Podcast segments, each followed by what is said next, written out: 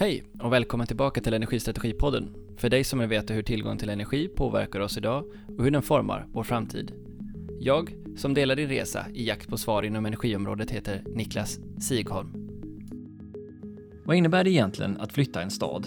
Och vilken roll spelar det kommunalägda energibolaget i en sådan process? Hur påverkar den utökade leveransen av spillvärme från LKAB affären? Och hur mycket blir det i framtiden?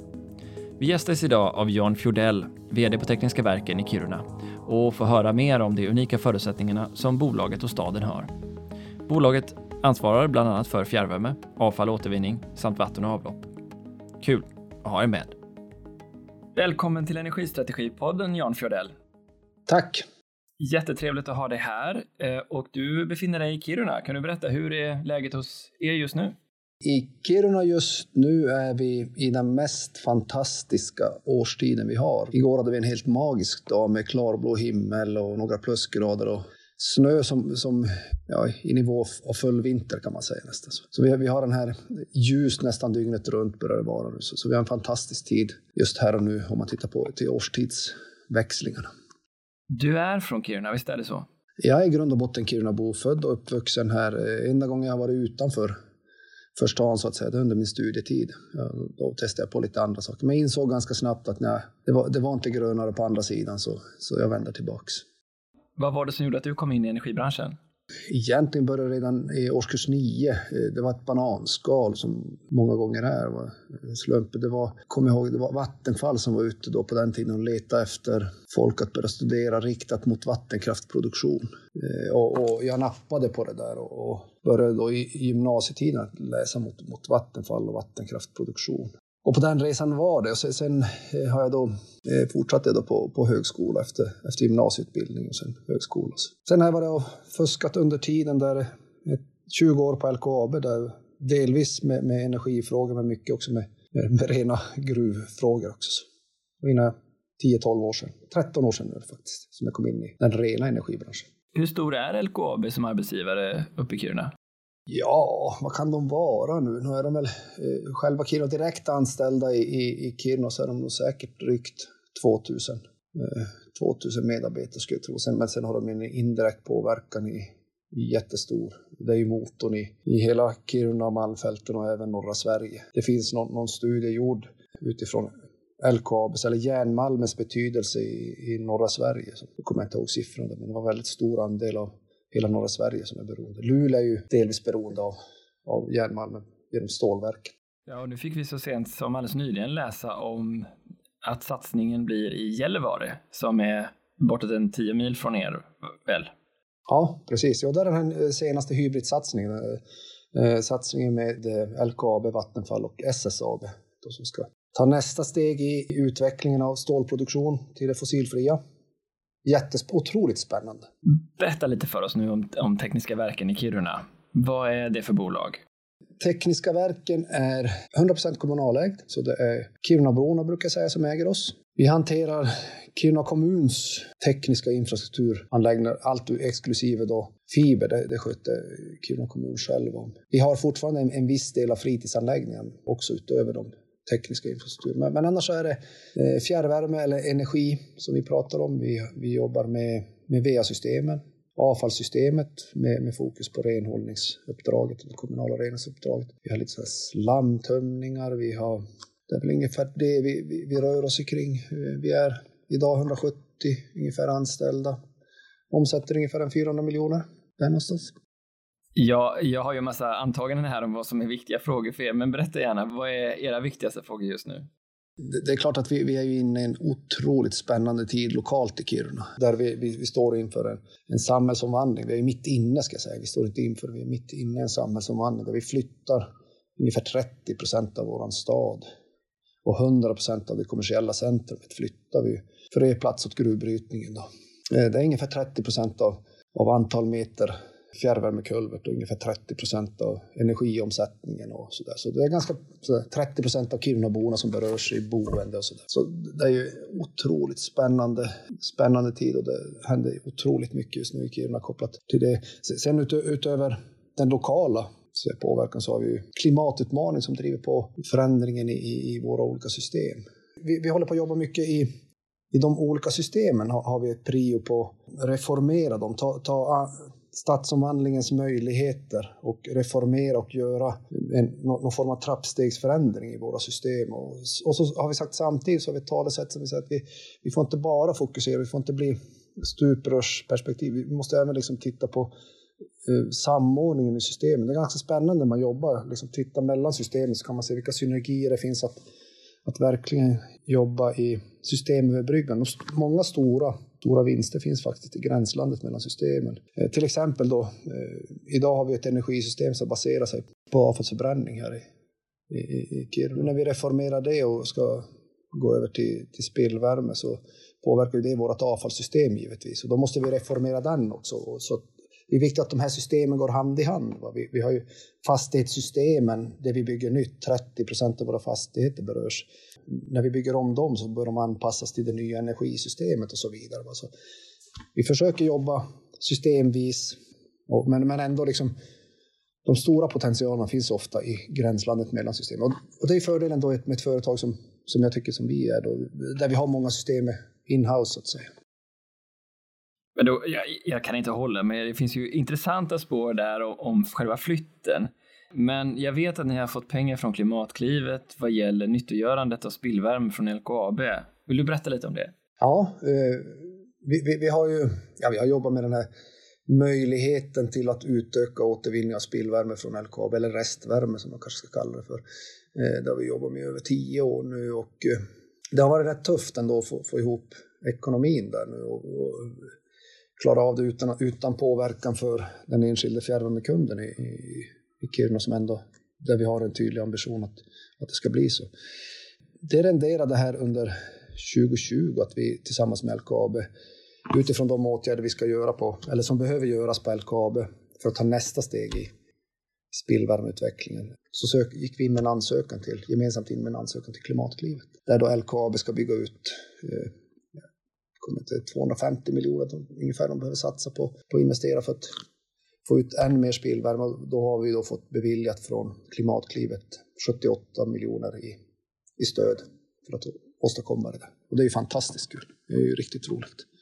Och om du översätter konsekvenserna av den här investeringen, vad ger den för typer av energiflöden? Eh, det gör att vi från idag eh, kanske vi har 10 procent i våran energiproduktionsmix. Vi har redan idag ett samarbete med LKAB, så vi har kanske 10% spillvärme idag i produktionsmix med, med, med genomförd eh, investering där, det vi kallar för steg två, då, så ska vi komma upp till 70-80 procent av energin vi får ska vara från spillvärme, eller det, det vi säljer ska vara från spillvärme från LKAB. Hur mycket värme behöver ni varje år i, för att värma upp Kiruna? Vi ligger väl ungefär på 200 220 gigawattimmar någonstans. Och hur stor är potentialen från LKAB som du ser det? LKAB omsätter ju energi, totalt sett energi kanske en tio gånger vårt behov. Så potentialen är ju gigantisk, från kanske än mer med tanke på de framtida satsningar de ska göra med, med att utöka sin produktion och styra om den med, med vätgas och andra. De kommer att öka sin energiomsättning många, många gånger där. Men, men de omsätter väldigt mycket energi. Sen frigörs det ganska mycket energi i, i deras process. Du har en magnetisk produkt som, som genomgår en reduktion i, när de upphettas, så den blir icke-magnetisk. Nej, men den här eh, reduktionen som, som sker i, i järnmalmen frigör också ganska mycket energi.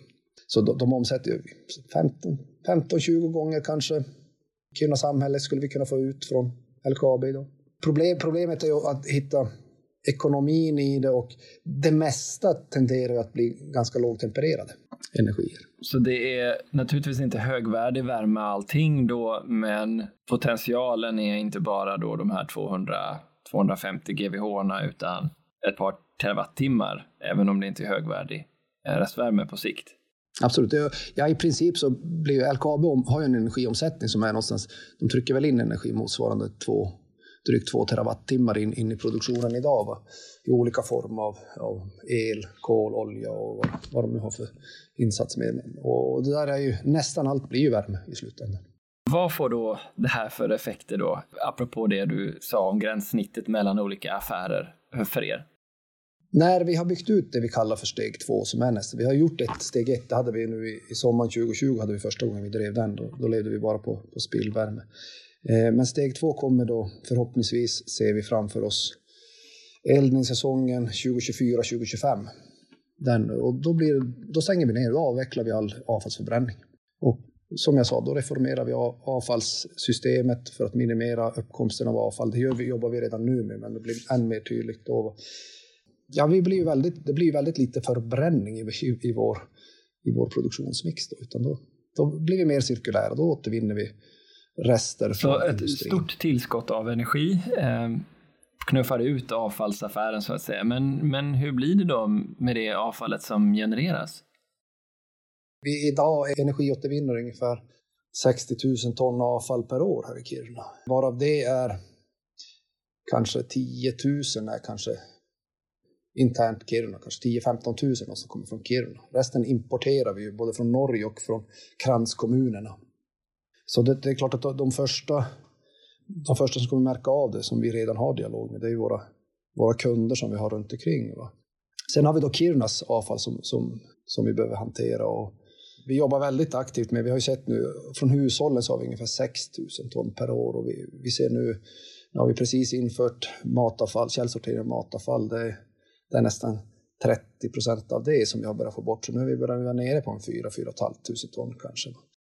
Och så ska vi då få bort förpackningar som är ytterligare en tredjedel ungefär, som hamnar fel. Förpackningar och tidningar och sånt där som ska bort. Så då börjar vi vara nere i, i hanterbara mängder. Sen ska vi jobba väldigt mycket. Vi jobbar mycket med information, vi ska eh, vi jobbar mycket med, med att eh, insikt, insikt hos Kirunaborna, det här med, med, hur viktigt det är att, han, att minimera uppkomsten av avfall. Vi, vi jobbar med återbruk. Vi ska se, se, till att få igång en återbruksanläggning för att minimera än mer uppkomsten. Vi jobbar, det ska bli lätt att göra rätt och det, det vill ju alla inom avfallsbranschen. Så man ska lätt kunna få sin plastförpackning och tidnings, tidning på rätt ställe utan alltför stora problem. Vad blir alternativet då för det här avfallet som ändå genereras? Vart ska det någonstans? Både för de här norrmännen som skickade till er nu, men även kranskommunerna. För Gällivare antar jag också kommer ha rätt liksom, betydande mängder spillvärme då med tanke på satsningarna där. Och tittar du neråt Boden, Luleå så är det ju H2 Green Steel med stora satsningar som också levererar väldigt stora restvärmeflöden kan jag tänka mig på sikt. Precis. Ja, men det är helt rätt. Och, och, och det, det, man märker för, för våran del och vi brukar säga att Kiruna det, det, det är som Gotland. Det, det, är som en ö. Inte omgiven av vatten, men omgiven av skog. Vi har närmaste stora samhälle är ju Gällivare. Och oavsett vad vi gör nu, när vi har minimerat det restavfall som uppstår, den mängd som är kvar måste vi ju hantera. Och det blir på något sätt så ska vi hitta en, en mottagare någonstans som, som kan sannolikt energiåtervinna åtminstone ett antal år framöver. Men vi har ju även andra fraktioner. Vi har, vi har skrot, vi, vi har, kommer vara plaster och tidningar. Och, och det, det tenderar ju ur det där perspektivet så tenderar frågan att bli en logistisk utmaning. Och det försöker vi också jobba med. Hur, hur, ska, vi få, hur ska vi få den kloka logistiken? Och hur, hur ska vi samverka? Vi, vi, vi har haft ett antal seminarium där vi försöker utmana aktörerna, marknadsaktörerna de på marknaden. Här liksom. Vi har inte lyckats väl om, om vi kör en halvfull lastbil med, med tidning, tidningar och en halvfull lastbil med plast och sen kommer en, en tredje lastbil halvfull med, med restavfallet från oss. Och då har vi på något sätt inte lyckats så bra som vi borde kunna i alla fall. Så vi försöker få ihop det här, och försöker. men det, det, den är inte så lätt den diskussionen. Det, det, är en marknadsekonomi som det ska vara på marknadsekonomins förutsättningar, men vi försöker hitta Eh, vi jobbar med, kan vi hitta några järnvägslösningar? Vi har en ganska bra utvecklad eh, godsbangård här. Eh, men det, det finns utmaningar, men vi, det tenderar att bli en logistisk utmaning. Ja, men eh, om jag spånar lite kring det här då, så låter det ju som att det blir ganska dyrt för varje kilo avfall som en Kirunabo som genererar. Och då självklart att er ambition blir att minimera de här flödena så mycket som möjligt eftersom kostnaden blir ganska hög. Hur långt tror du att ni kan nå nu när ni så att säga har en spillvärmeaffär som inte längre möjliggör avfallet? Kan ni bli av med det så att säga eh, i, i smarta flöden istället? Det som behöver energiåtervinnas vill säga. Ja, ja, absolut. Det är jag alldeles övertygad om att vi klarar av. Det, det måste ju. Vi, vi, har inget annat alternativ. Det, det, vi inte kan återvinna, materialåtervinna som man säger i branschen, det, det restavfall som är efter all materialåtervinning, det måste ju energiåtervinnas, för deponering är förbjudet. Så, så, vi har, och vi måste hitta lösningar och det, det, är jag alldeles säker på att vi kommer göra. Jag är ju alldeles övertygad om att ja, energiåtervinning av avfall kommer finnas under överskådlig tid framöver, för vi, vi kommer inte hinna ställa om hela avfallssystemet i, i den takt som man ibland kan uppleva att myndigheterna önskar. Va? Även om jag tycker att, att det är rätt väg att gå. Alltså vi, vi ska minimera energiåtervinning av, av avfall. Men, men eh, så då kommer vi få avsättning för. Det, det, det tror jag kommer finnas. Vi är ju väldigt stor i Sverige på, på avfall och avfallsförbränning. Finns det också idéer på hur man kan använda de här restflödena av, som du nämnde, stål och, eller skrot och plast och trävirken lokalt på något sätt? Vi, vi, har väl tittat på vissa av flöden, men, men, men ta, ta, till exempel skrot som går till ett stålverk. Det, det, blir så. Ja, det är klart nu med, med tanke på de här nya... Nu ska man bygga ett stålverk i, i, i Boden, så man vet inte vad som kommer. Det kanske kommer ett snart ett stålverk till Kiruna, då, då löser vi den utmaningen. Men, men, eh, men annars är det ju hiskeligt stora. Jag vet inte om de pratar om 25 miljarder i investering i Boden eller något sånt där. Så Eh, vi kan transportera skrotet rätt länge, men det finns ju andra delar. Matavfallet tittar vi på till exempel. Idag är vi tvungna att transportera, eller tvungna, men vi transporterar det till Boden för biogas. Där tittar vi till exempel på, på andra lösningar, bygga upp en struktur lokalt. Så, så vissa av flödena ska vi försöka och jobbar vi med att försöka använda och återvinna lokalt. Men, men vissa flöden är ju tuffa. Skrot, tidningspapper, plaster är ju otroligt komplext att återvinna till exempel. Vad händer då med eh, Tekniska verken i Kirunas liksom, position om man nu eh, rullar det framåt till 2024, 2025 och kanske därefter där det finns betydligt större tillgång på restenergi än kanske staden behöver. Vad blir då energibolagets roll och vilka affärsmöjligheter öppnar sig som du ser det? I grund och botten ser jag ingen förändring i, i, i vårt uppdrag. Det, det, det ägarna sagt åt oss, det vi ska göra, det är att jobba med, eh, med samhällsnytta och samhällsutveckling.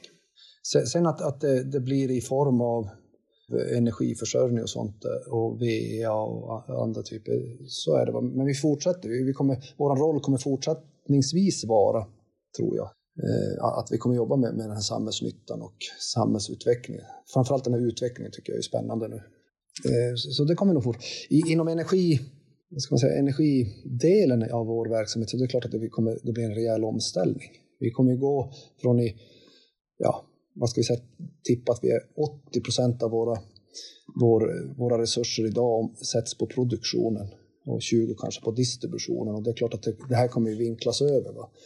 Eh, sen är jag alldeles övertygad om att vi står inför fantastiska möjligheter med, med den här mängden av energi som vi faktiskt börjar få, få upp ögonen för. Det kommer skapa nya idéer och nya drivkrafter och nya möjligheter. Vi kan inte se hälften av, av, av det vi ska göra.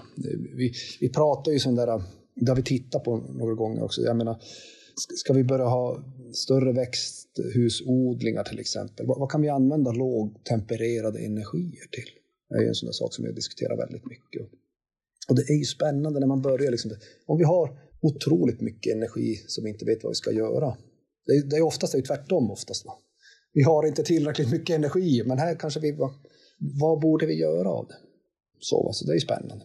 Sen tror jag ändå, jag vill ändå säga det, att jag tror inte att vi får inte sätta för stor drivkraft i det, för jag tror ändå liksom på det där att en av de viktigaste sakerna i ett energisystem, det är precis som i avfallssystemet, är minimera behovet på något sätt. Minimera uppkomsten av avfall är ju det viktigaste inom avfall. Vi ska minimera behovet av energi, energisystem. Om det nu är så då att eh, man kan tänka sig att framtiden håller med en, en större mängd restflöden energi i form av spillvärme, hur ser det ut då på elsidan för er? Vi, vi, vi, har ju, vi har ju inte elsystem, tyvärr. Det är faktiskt något jag hade önskat att vi hade haft. Vi, vi, vi har tre aktörer på, på elsidan här i, i, Kiruna. Det är två lokala elnätsbolag och så Vattenfall. Men tyvärr så har vi inget kommunalt ägande i det där och det är lite synd. Det hade varit intressant att kunna få jobba med synergierna med, mellan de här. Jag vill ju se att vår möjlighet med, med spillvärme och, och fjärrvärme då ut till kunderna är för varje kilowattimme spillvärme som ersätter el så frigör vi ju el till utveckling av elsystemet. Och tittar man då på LKAB och ja, du, du pratar om, om H2 Green Steel i Boden och deras behov av el i framtiden så behöver de exakt varenda kilowattimme el för att kunna möjliggöra sina ambitioner. Eh, så jag skulle säga att vi, vår spillvärmeresa eller vår fjärrvärmeresa möjliggör en utveckling av elsystemet. Vi vill se oss som en möjliggörare. Finns det nya eller andra geografiska kopplingar att göra eh, som skulle underlätta det här, som ni ser det? Eller är alla avstånd för långa? Ja, det, det, det är ju så. Vi, vi har haft någon, någon sån där vi, brainstormingsmöte vi pratar om. Vi borde koppla ihop Gällivare och Kiruna. Och sen gör man en väldigt enkel mellan tummen och pekfingret kalkyl så ser man att det, det är ganska ogörligt då, att komma med, med, med den topografin och, och de längderna vi har att hantera här uppe. Så, så det, det är tufft att flytta varmvatten. Eh, då är det bättre att försöka flytta el eller flytta avfall eller de energibärarna blir, blir, blir enklare att hantera ur det perspektivet. Sen om vi, när vi ändå har, kommer ha så pass mycket, mycket varmvatten så, så är det ju, då tror jag vi måste fundera på, jag menar, kan vi minimera då, eller minska behovet av intransport av, av sallad och tomater, ja men då, då är det väl bra. Och så får vi jobba på, med, med det perspektivet. Och det finns säkert mycket annat i det där vi kan. Det kommer säkert komma mycket intressant utveckling inom ORC-tekniken också med, med, med, med, generering av, av el också. Mm. Från mer lågvärdiga energikällor. Hur, är det, hur tänker ni kring distributionen då och distributionstekniken? Säg att ni skulle få lägre temperaturer hur, och ni har dessutom möjlighet nu då i och med att ni bygger nytt i 30 procent av ert system. Vilken typ av teknisk innovation eller utveckling eller tankar har ni där? Just nu bygger vi det man kallar för generation tredje generationens, alltså stålrör, 16 bar, 100 grader. Eh, och, och, vi har studerat eh, fjärde generationens då med, med, lite mer lågtempererat. Vi har även tittat på det man ibland kallar för femte generationen, det som E.ON bland annat har utvecklat, eller framförallt E.ON har utvecklat. Den utmaning som, som, Eh, som vi landar i, den är framförallt ekonomiskt. Och det är en där liten frustration för mig själv att vi inte kan, kan hitta en långsiktig, långsiktig bärkraft ändå. Men problemet, eller problemet, det är ju jättepositivt. Vi, vi har, LKAB kan förse oss med de här 80 procenten av vår energiomsättning. Det är 90-gradig spillvärme. Och att då lösa vår distribution med något annat än tredje generationen som är för 90-100 graders, det blir bara dyrare. Och då, blir det svårt. Sen skulle man ändå vilja ha, ja, men bygga upp ett system som ändå är förberett för, för en framtid där vi kanske får en annan, får en annan omvärld att hantera. Men det är, vi jobbar med frågan. Huvudkulverterna och huvudsystemen är nu byggd med, med, vi studerar och vi vill absolut hitta någon, åtminstone gå ner till lågtempererat. Så det är en, en klassisk så att säga fjärrvärmeutbyggnad som vi är vana att se som ni ägnar er åt? det, det, det, vi studerar just nu som är, som, är, som är väldigt intressant, det är ju eh, om man tittar ur ett varaktighetsdiagramsperspektiv på något sätt så, så har ju LKABs möjlighet att, att leverera eh, spillvärme, den är ganska jämn över året. Va? Just det, det var min nästa fråga. Levererar de hela tiden? Ja. Det är 90 grader även mitt i sommaren. Ja, eh, precis. Och, och, ja, då, då har vi tillgång till ännu mer effekt än vad, vad vi har, för de är ganska stora. De är nästan lika stora på Eh, fjärrvärmeförbrukning på deras interna industriområde som stan är. Och när det blir som, som kallast, ja, då stiger deras effekt över vad de själv kan producera och då får de också ha spetsvärme. Men, men, men, skulle vi, det som är väldigt tydligt är att vi har en otrolig mängd överskott sommartid även på 90 grader. Så vi jobbar ju nu aktivt med, med säsongslagring som är jättespännande. Historiskt sett har vi tittat på ett antal gånger, men just nu har vi igång en, eh, ett projekt med IVL i spetsen då, eh, som stöttar oss i det där. Eh, vi tittar på borrhålslager, vi, vi tittar på konstgjorda akvifärer, vi har tittat på gamla nedlagda gruvor här som eventuellt skulle kunna användas eh, som, som jätteackumulatorer. Vad tror du på? Ja, jag hoppas och, och den här borrhålstekniken hade varit intressant faktiskt att se på hur, hur den skulle te sig. Konstgjord akvifer hade varit jättehäftig.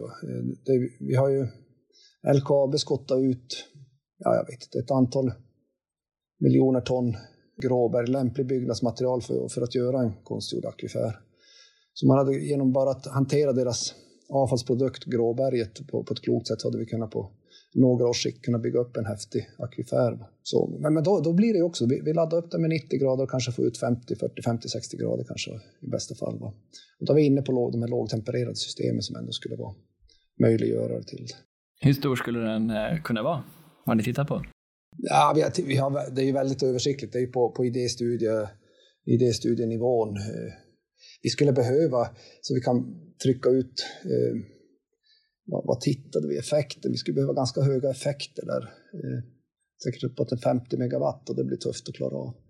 Ja, det, det, är inte, det är inte alldeles lätt kan jag säga. Vi, vi, den här nivån av storleken av säsongslager eh, är aldrig gjord tidigare. Då blir även de mest vågade forskarna blir osäkra. Men det, det, är en jättespännande sak. Det, det, är klart, vi, vi har ju energierna. Det, det, är bara att vi har dem lite, lite på fel tid årstid så att säga. Okej, okay, ja, det, det, är ju fantastiskt. Ni, ni flyttar 30 procent av staden och, och, ni får tillgång till 80 procent eh, energi genom spillvärme så ni kan eller ni lägger ner er egna avfallsförbränning och ni har därtill massa annan affärsutveckling som växthus eh, av eh, norrländskt odlade tomater kanske jag hittar på Ica här om, om, om 6-7 år. ja, det hade varit häftigt va? Ja, visst hade det varit det. Vad, hur jobbar ni, liksom, hur ser ert strategiska arbete ut när ni ställs inför sådana här väldigt omvälvande förändringar i er affär?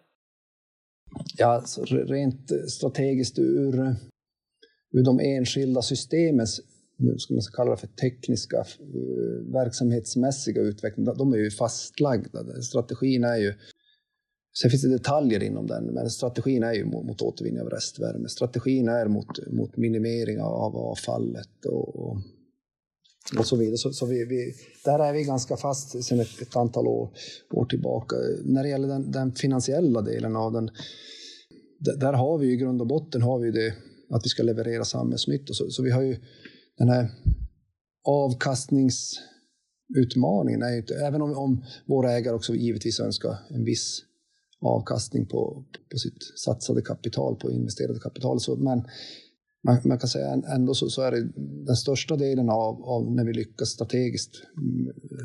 Så, så den finansiella effekten ska ju hamna hos Kirunaborna. Det är ganska tydligt i våra, våra styrande dokument. Får ni också sådana här eh, övergångar till att ni kan satsa på exempelvis ny form av digitalisering när ni ändå bygger så pass mycket nytt? Och i så fall, hur slår det igenom? Och hur har ni prioriterat det? Vi har precis från den första i första i år så har vi startat upp en avdelning inom Tekniska verket som ska jobba med verksamhetsutveckling fokuserat och med digitalisering för verksamhetsutveckling specifikt. Alltså väldigt stort fokus på digitaliseringen. Och vi ser ju otroligt mycket möjligheter i det. Framförallt, eller framförallt, men många gånger är det faktiskt i, i också i de här gränsländerna mellan, mellan de olika systemen. Man kan ju se liksom hur, hur digitaliseringen skulle kunna stötta Eh, Eh, en fastighetsägare eller en bostadsrättsinnehavare eller en hyresrättsinnehavare att fatta de rätta besluten där och då ur ett, någon form av effektperspektiv. Och sånt. Så det finns ju otroligt mycket i, i typ sådana system. Eh, vi har jobbat ganska länge med, med de här. Vi, vi jobbar tillsammans med en stor IT-konsult Jag tog fram en, en, applikation på, på Microsofts eh, vad heter de här IR-glasögonen som de har? Eh, HoloLens. HoloLens-systemet. Jag tog ju fram ett koncept som hette Hidden City. Det var med, med, med, eh, med de här glasögonen, HoloLens-glasögonen, kunde skapa ett skikt där du kunde se infrastrukturen som var nergrävd. Och det funkar jättebra. Utifrån våran GIS-data så kan man gå in och titta på, som exempel, va, där, där vi har fått det. Så har vi en läcka, nästa steg i det där, är att kunna börja sensorer som indikerar läckor. Så skulle man kunna sätta ja, vi får en läcka så kan man gå med, ta på sig glasögon och gå ut och titta exakt var läckan är och grävmaskinisten kan börja gräva direkt där. Det är väl ett av de tydligaste exemplen vi har lyckats med de senaste åren. Men vi har ett jättestort fokus på, på digitalisering, precis som de flesta börjar ha nu. Det, det, är klart att det ger otroliga möjligheter i stort och smått att, att göra. Används det här eh, idag? Eh, de här VR HoloLens-glasögonen? Alltså inte själva glasögonen använder vi inte idag. Vi, vi, vi har en anpassning av systemet på, på en padda istället. Men systemet används. Ja, intressant. Hur är det annars att vara en, eh, en kulvertbyggare i, eh, i en så gruvnära stad? Vad får det för konsekvenser? Ja, vi, har ju, vi lever med markrörelser. Det är väl en av utmaningarna. Eh, så, så är det. Det är klart att sen är väl där vi tror oss ha de största problemen. Det är jättesvårt det här med, med, med det som är under backen är så jättesvårt att se alla gånger. Så. så det finns väl en inbyggd utmaning i det. Men eh, det, det vi ser oss, tror oss ha den största utmaningen det är genom de gamla eh, vattenrören, vatten och avloppsrören. Där vi både har betong och, och gjutjärn så fjärrvärme tenderar att hålla betydligt bättre. Det är ändå rejäla stålrör och sådär. Men eh, Nej, men nu har vi en utmaning med, med markrörelse och framförallt så, så att vi hinner åtgärda och bygga, eh, styra om systemen innan gruvans påverkan kommer alldeles på oss. För, för är det en kall februaridag, då vill vi inte ha det där brottet. För, för då tar det bara några timmar innan vi, vi har akut samhällsproblem. Vi har ju en annan, en annan sak som kanske inte är direkt kopplat till gruvan, men, men det är väl en orsak till varför Kiruna varför det är gruvbrytning här, det, det är att vi är väldigt nära till berg. Och det, det ger ju mycket av, av våra kulvertsystem är nedsprängda i berg. Vi har väldigt lite jordtäckning. Då. Och, å ena sidan så blir det dyrt att förlägga. Den andra delen är att i händelse av en, av en läcka så eh, i lerjord så, så vill eh, det läckande vattnet trycka rakt upp medan i sån här, när du har bergkulvertar och sånt så vill det läckande vattnet och följer med kulverten bort någon annanstans. Kanske in i en dagvattenledning som sen leder vattnet någon annanstans. Och då, vi har betydligt svårare att upptäcka läckor som en effekt av. Och hur hanterar ni det? Finns det något, eh, något smart sätt ni har kommit på för att lösa det där? Ja, vi, har, vi har tittat otroligt mycket på det där, hur, hur vi skulle kunna göra. Med, vi har tittat på om vi ska plöja ner någon nå värmekänslig kabel längs kulverterna. Vi, vi drönarteknik som börjar bli mer och mer vanlig nu i branschen med värmekameror. Ja, det finns ett antal men men det här med industrisamarbeten är det ju många städer som står inför med olika närhet mellan energibolag och eh, industriell aktör. Hur fungerar det samarbetet mellan er och LKAB skulle du säga? Jag tycker det fungerar jättebra. Vi, vi hade som jag nämnde tidigare så tog vi för vår del, det historiska steg ett tog vi 2020. Där vi stängde all vår produktion till förmån för spillvärme från 15 maj till 15 september. Efter smärre ombyggnationer hos LKAB året innan. Då. Men, men eh, under den sommaren så hade vi inte ett problem. Vi, började, vi har jobbat mycket på att tajta upp våra relationer, inte bara på, så säga, på ledningsnivå som jag rör mig med, utan även på liksom operativ nivå. Att vi verkligen känner varandra, vet vem vi är, pratar med varandra, förstår varandras verksamheter. Och, och, eh, alltså jag säger att eh, nu de här senaste åren har det, har det fungerat jättebra mellan oss och LKAB. Vad är framgångsfaktorerna som du ser det? Ja, men det, det är nog att få en förståelse för varandra. Vi, vi, måste få, vi från energisidan då måste få en förståelse att LKAB producerar inte järnmalmspellets för, för, att göra restvärme. De producerar järnmalmspellets för att sälja till, till sina kunder. Så det här är ett spill, det, det, måste vi ha förståelse. Sen måste de få förståelse för vårt behov att den, den kalla februaridagen så måste vi också kunna leverera, annars så om inte sjukhuset får sin värme då, då blir det jättejobbigt här. Va? Och så, det handlar mycket om att få förståelse för, vi, vi har ju helt olika drivkrafter. Eh, så är det. Och jag tror att det, det, det är nog där det ligger hos de flesta samhällsindustrisamarbeten, att verkligen få förståelse för varandra. Jag kan i och för sig tänka mig att det är många som jobbar på, eh, på LKAB som har en, en partner på sjukhuset eller som bor i staden som också är ganska måna om att den här värmen levereras den 26 februari. Ja, Nej, men visst är det så. Jag vet, jag har ju varit 20 år på LKAB, så jag, jag vet ju att det är ett jättestort fokus med all rätt. De har ju en kärnverksamhet som, som de ska, som ska rulla och fungera. Och Eh, Även fast man har sin, sin respektive, eh, som är, eller man har sitt eget hus som är kraftigt beroende av våra tjänster, så, så, så är det ändå, man, man, är ju, man är ju anställd för en viss uppgift. Men Nej, men vi, vi, har kommit jättebra. Vi har kommit jättelångt i de här diskussionerna och skapat den här förståelsen. Eh, jag, jag, tror ju mycket på det här eh, som jag är ett exempel på, en sån här korsbefruktning av verksamhet. Att vi, jag, menar, jag kom från LKAB hit och kunde ta med mig en del av LKABs syn. Nu börjar Det vara visserligen några år sedan. Men, och så tvärtom, att vi, det är inte till nackdel alla gånger att LKAB eh, tar folk av oss och tvärtom. Det är faktiskt ganska bra. Hur blir det då med den eh, förändringsledning som ni behöver gå igenom? Jag antar också att det är en hel del personal som är knuten till produktion hos er och som ni inte längre ser att ni har ett behov av. Hur jobbar du med den typen av förändringsledning internt? Vi, vi tror än så länge inte. Alla, allting är inte belyst, allt är inte på plats ännu ska jag säga. Men, men vi, vi, vi, tror på en jätte... Eh, vi, vi pratar mer möjligheter.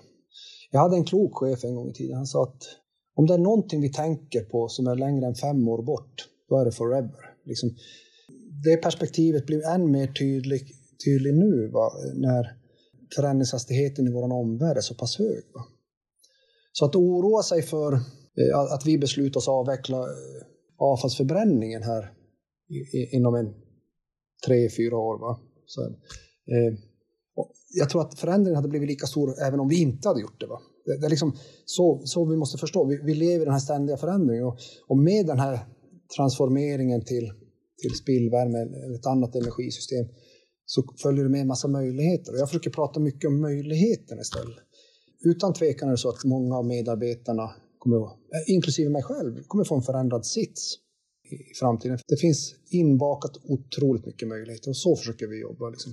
Se möjligheterna, förändringar blir det oavsett här har vi en förändring och vi kan själv styra den här ganska mycket.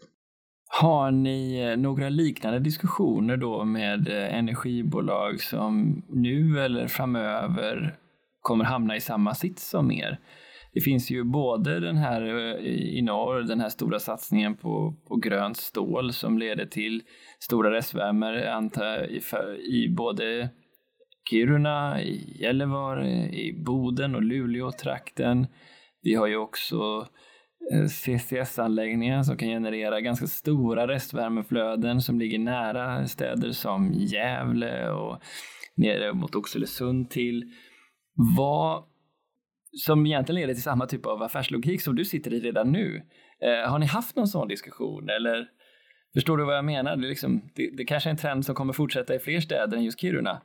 Jag tror att det måste göra det och drivkraften är ganska tydlig om du tittar på eh, klimatklivet, bland annat stödsystemen som finns, är drivkraften ganska tydlig. Det finns ju specifikt, ut, speciellt utmärkt den här, eller benämnd ska man säga, den här möjligheten till återvinning av industriell restvärme. Eh, vi har inför våran resa så har vi pratat med, med många av de som har de goda exemplen i Sverige idag. Eh, ja, men Luleå är ju ett av dem, samarbetet mellan Lura Energi och SSAB har vi pratat mycket med. Vi har pratat med du nämnde Gävle här, så har vi varit pratat med Gävle och pappersbruket, kommer Korsnäs är det då de heter kanske, Bomhus tror jag deras energisatsning hette. Va? Eh, så, vi har haft dialog med dem och försökt lära oss av, av dem, vad var hemligheterna där. Eh, tittar vi nu de som kommer få de här möjligheterna i vår närregion i, i närtid. Då. Eh, nu beslutar man om den här satsningen i Hybrid i Gällivare. Det, det, det blir väl det första gången Gällivare Energi får sannolikt möjlighet till, till, till spillvärme. De har en helt annan process i Gällivare, eller i Malmberget, än man har i Kiruna, så det blir inte samma mängder spillvärme som, som vi har, alltså pelletsprocessen. Men nu med hybrid så blir det ju det. Eh, så de kommer få en helt annan sits. Jag tänker Boden måste också med, med H2 Green Steel också. Och jag hoppas, men de har ju precis fått beskeden. Det är, det är just det. det var väl förra veckan Hybrid var, var beslutad och några veckor innan det som Watford Green Steel lanserade sin satsning. Så. Ja, och, och där finns ju också avfallsförbränning tänker jag, så det är ju väldigt liknande sitser där, där, där det helt plötsligt blir otroligt viktigt och hur, att minimera avfallsflöden om jag förstår det rätt, sortera väldigt, väldigt väl och hitta smarta idéer för vad man kan göra med restflödena. Nej, precis, och, och, och, det är klart att det, det, kan ju då bidra till, till, att vi måste kanske titta ännu större på den här logistiska utmaningen om, om det blir så att till exempel Boden inte heller Eh, att, att de ser en, en, transformering mot spillvärme, det vet jag inte. Jag vet inte alls hur, hur deras diskussioner går, men, men den är väl så färsk där. Men, men det är klart att här uppe eh, med, med, med ganska glesbefolkat så, så är logistik, eh, logistikfrågan ganska central. Samarbetar ni, du sa att ni hämtar lite avfall från Norge också, samarbetar ni med hur den norra delen av Norges avfallshantering och avfallsströmmar ska se ut? För de har ju betydligt mindre fjärrvärme än vad den svenska sidan har ändå. Hur, hur ser du på samarbetet med dem framöver? Vi, vi har ju en, eh, eh, en partner i, i Norge som vi har samarbetat med eh, sedan 2000. Så vi har hållit på länge och det har faktiskt varit unikt samarbete när vi byggde om. Eh, vår avfallseldning nu, eller avfallsförbränning nu, den, den bygger ju på en, en satsning 2000. Där man konverterade en gammal eh, torvpanna till en avfallseldad panna. Eh, och då var det 11 nordnorska kommuner, eller om de var 12 då. Eh, de var med och delfinansierade den uppbyggnaden i, mot att vi tog emot deras avfall i, tror jag, tio, 10 år vi förband oss ta emot det. Så så det var ett unikt samarbete skulle jag vilja säga, vars man samarbetar över lands, landsgränserna. Men vi, vi har väldigt tajt samarbete med, med, med vår huvudpartner i Norge. Och vad ska de göra nu? Ja, de jobbar ju precis som oss. Precis som oss jobbar de med, med, med, med de här. Och vi delar ju med oss av idéer och förslag. Och, och eh, de jobbar med, med, det är också kommunalägt ett kommunalförbund, IKS som det heter i, i, i Norge, då, med ett antal kommuner inblandade. Eh, så de, de minimerar uppkomsten, klättrar upp i avfallshierarkin och får, får ner då liksom restavfallet. Och sen har de byggt en, en godsbangård inne på deras avfallsanläggning, så de jobbar också med, med, med logistiken. Vi, vi tittar på hur, hur ska vi kunna samverka med dem i, i de här lösningarna. Så vi, vi har haft ett antal sådana studier, Interreg-projekt som vi har drivit, där vi har tittat just på, på de här eh, logistiska lösningarna. Men både med, fin med Finland och eh, Norge tillsammans med oss. Ja, just det. Ja, för jag tänker liksom om man samlar ihop alla strömmar tillsammans från både Nordnorge och norra Sverige och kanske till och med även Finland som du nämner så kan det ju bli en del. Jag tänker att man måste skapa en viss volym för att också kunna hantera eh, cirkulära flöden. Ja, Nej, men, och det, är, det är ju järnväg som, som det borde gå på. Eh, blir det för små, för små volymer då, då tenderar lastbilstransport att ta över ekonomin. Du, eh, hur är det då när det sker sådana här stora satsningar i en stad som Kiruna? Jag kanske ställer den här frågan lite mer till dig som Kirunabo. Hur, hur är det med stadens tillväxt och förmåga att få rekrytera kompetent personal? Och hur ser du och ni och staden på den utmaningen?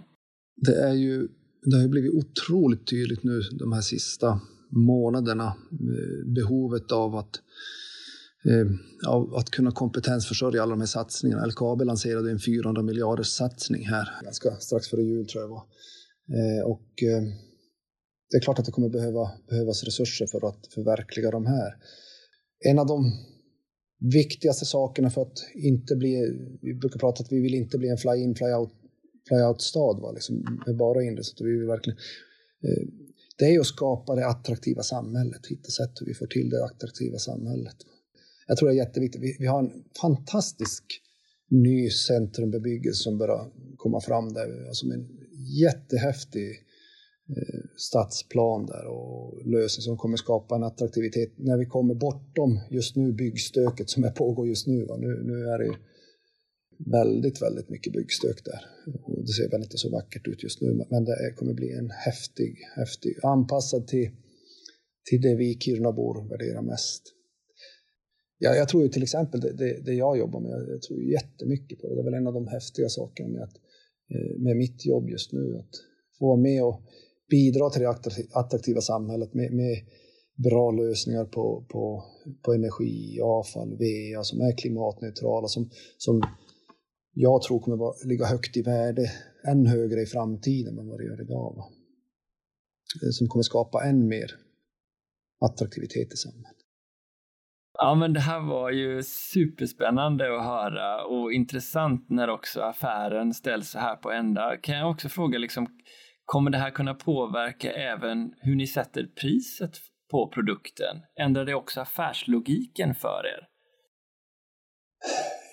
Ja, det är klart att på, på något sätt så det enklaste för oss, om vi pratar energiprodukten då, och, och, eh, så är det ju det enklaste för oss och det säk mest säkra det är att vi, priset över tid, över året, speglas av kostnaden att producera. Det, det, det är det enklaste för oss. Och sen, sen tänker jag att ja, då gör vi det enkelt för oss som energiproducent slash energidistributör. Sen hur, hur vi ska skapa rätt, rätt incitament och drivkraft för att få en enkelhet och ändå skapa den här drivkraften till energieffektivisering. Den, är, den tror jag vi kommer diskutera mycket. Va? Vi kommer ju sannolikt se en ganska stor skillnad på de kallaste dagarna vet vi att vi kommer få i princip ingen spillvärme. Och då har vi ju mellan och spetslast som vi ska fylla på med där. Och, och då kommer ju produktionsmixen där vara betydligt dyrare än, än spillvärmen eftersom vi, vi har avvecklat avfallsförbränningen som var vår ekonomiska bärkraft. Då. Just det, så marginalprisskillnaden mellan den billigaste och den dyraste produktionen blir väldigt stor. Absolut, så kommer det bli. Och, och sen, ja, som jag sa, för, för oss hade det varit lättast att sätta en, en prismodell som speglar den, men jag tror inte att det jag tror inte att det är rätt. Att, att samverkan kommer förändra våra, våra prismodeller, det tror jag absolut. Va? Så. Men jag, jag, tror på en enkelhet också. Eh, jag ser när jag träffar många av våra kunder, det, det, energisystemet och energi, prissättning av energin är ju komplex. Eh, det är bara att titta på hur, hur, vilket, vilka diskussioner har varit kring elsystemet med elnätspriser separat och ja, hög och låglasttider och ja, en prisområden som vi har i Sverige. Och, Eh, det är jobbigt att hålla reda på, även för en som är i energibranschen som jag var. Men det låter som att ni ändå lägger stort fokus på energieffektivisering, även med ett visst, så att säga, i alla fall säsongsbetonat överskott på energi. Ja, ja. Men jag tror att det är långsiktigt. Jag tänker ändå att, att ett energisystems bärande delar kanske håller en 30, 40, 50 år. Va? Och då gäller det att hålla de här långsiktiga perspektiven. Stålmarknaden vet vi att det kan hända ganska mycket på fem år. Va? Eh, så vi bör ändå liksom ha det mest långsiktiga är ju att, att jobba med energieffektivisering och att, att förbruka så lite resurser som möjligt. Och vi jobbar ju med samhällsutveckling och samhällsnytta. Och jag, jag tror att det, det, är en viktig del i det. Va? Hur viktig är den här satsningen ur en hållbarhetssynpunkt för Kiruna? Ehm, finns det sådana mätetal också, hur, hur mycket mindre koldioxidsläpp ni nu eh, kommer kunna ha i ett system 2025 kontra idag? Ja, eh, det har vi ganska hyfsat bra koll på. Vi, vi, exklusive vår stora industri LKAB. Vi brukar ofta bli tvungna att göra det, för, för det, det är liksom, de är så stora enskilt. Va? Eh, men, men om vi bortser från dem så tror jag vi ligger på ungefär 150 000 ton CO2-ekvivalenter per år. Och, och vår satsning som vi ska göra när vi blir på ett klimatneutralt energisystem tar bort ungefär 40 000 av dem. 150 000. Så, så det, är, det är en betydande del av Kirunas footprint om man uttrycker det så. Va? Eh, så det är en jättestor grej, Kiruna lokalt. Va? Vi, vi ska ju vara som företag, ska ju vara helt klimatneutrala 2025. Det är klart att göra den här transformeringen av energisystemet är vår enskilt största del i, i den resan. Men det där var ju spännande. Helt klimatneutrala 2025. Vad ingår mer i den roadmappen?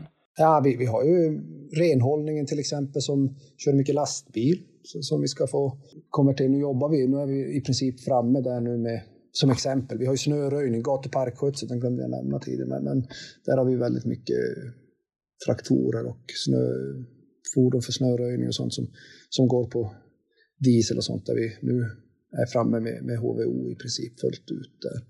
Vi har gått över på grön el, eh, verkligen börjat jobba med det. Eh, och, och vi, försöker, vi, har, vi mäter våra, enligt den här greenhouse gasprotokoll. Eh, så försöker vi jobba enligt, enligt den modellen. Mm. Men av de här, eh, du sa 150 000 ton och så 40 000 ton försvinner tack vare den här spillvärmesatsningen och då är det 110 000 kvar då som är förnyelsebara ändå koldioxidutsläpp. Förstår det rätt då? Nej, alltså det är samhället som släpper ut. Där, där är ju trafiken i samhället, ah, andra okay. typer av verkstäder, eh, ja. Energi, avfallsförbränningen, vår energiproduktion av 40 000 ton när, när vi startade sen. Kommer energibolaget ha, ha, kommer ha väldigt låga ton av, av eh, utsläpp då? Det är den här spetslastproduktionen du pratar om? Ja, och den ska vi fokusera på att få klimatneutralt också. Vår, vårt fokus där är ju någon form av biomassa. Just det. Ja, vad spännande. Det är många delströmmar då som, som behöver brytas ner i detalj för att få hela staden att vara klimatneutral 2025. Det är ju trots allt bara fyra år bort. Det är ju rätt imponerande. Ja, nej, inte, inte staden. Nu missförstod du. Jaha, okay. Företaget Tekniska verket ska vara klimatneutralt 2025. Ah. Staden har, har en, liten, en, en bit kvar att vandra. Jag förstår, jag blandade ihop det här. Men de 110 000 tonen, det är för hela staden. Men ja. det är Tekniska verken som ska vara klimatneutrala 2025. Ja. Finns det liknande mål för staden då? Det vet jag faktiskt inte. Det har jag faktiskt inte koll på. Mm. Spännande. Ja, vilken resa ni har i, både genomgått, eh, dramatisk sådan, och som ni står framför. Det kan tänkas att det var svårt att föreställa sig när du klev på det här jobbet. Ja, jag började ju här i bolaget för ja, till sommaren är 13 år sedan då, och gick in som vd 2013, bra precis åtta år sedan. Och, nej, alltså det som har hänt nu senast tiden med stadsomvandlingen har, har, har vi haft koll på sedan 2004 tror jag LKAB lanserade den. Då. Eh, men sen nu de här senaste delarna som kom nu med, med järnsvamp och hybrid och alla de andra delarna, det är ju jättehäftigt. Jag, jag brukar säga att jag har världens bästa jobb å ena sidan i, i en, ett, en stad som, som har den här utvecklingen, men sen i en bransch som är så otroligt häftig med energi, avfall, VA och alla de här delarna. De är ju jättehäftiga att vara med i. Ibland kan man tycka att man, man skulle kanske ha varit 20 år yngre så att man fått leva ut hela, men, men då, då hinner väl komma något nytt. Ja, precis. Det var min nästa fråga till dig. Om du tänker på hur stora förändringar varit de senaste åren. Vad ser du, eh, hur ser du på framtiden då? Om du får blicka tio år framåt. Vad tror du vi är då? Jag tror att vi som, om jag, om jag håller mig till energin, så är väl, eh, jag tror att vi som energibransch står inför jättestora utmaningar. Verkligen. Och, och eh, jag brukar tänka att eh, det, vi traditionellt har betraktat som energibransch och, eh, och vi aktörer inom energibranschen, vi, vi, blir utmanade nu av Ikea med ett solstråle, tror jag deras solpanel hette, och, och Tesla som bygger fordon med eldrivna med, med solpaneler och eh, system för att försörja de här. De börjar vara aktörer inne i en energibransch som vi har. Sen tror jag de här storskaliga systemen. Nu, nu tror jag att fjärrvärme kommer under, så länge LKAB håller på, på med det, kommer vara rätt i Kiruna. Men jag tror energisystemen kommer, de här storskaliga energisystemen kommer utmanas av, av mindre system. Mindre flexiblare system. Eh, vad vätgasen har i, har i sitt sköte, ja, det, det är otroligt spännande att se. Eh, det finns ju lösningar, där, standalone lösningar för vätgasproduktion som, som kan skapa några helt nya förutsättningar. Vi i energibranschen är väldigt utsatt för utmaningar, eller utsatt ska jag inte säga, men, men vi står inför häftiga utmaningar. Samtidigt extrema möjligheter som jag uttrycker. Det, är ju jättehäftig bransch. Storskaliga system, ja. Det, vi, vi, får nog fundera på, det kommer inte vara rätt överallt tror jag, i framtiden. Tack så hemskt mycket för att du var med i Energistrategipodden, Jan. Tack ska du ha. Nästa vecka får vi höra Svante Axelssons perspektiv om färdplanerna för ett fossilfritt Sverige och utmaningen att lösa på vägen mot ett helt förnyelsebart land. Hoppas vi hörs då. Podden produceras av Sigholm, er partner för förändringsprojekt och digitalisering inom energibranschen. Besök oss på våra sociala mediekanaler för att diskutera avsnittet vidare. Länk finns i beskrivningen.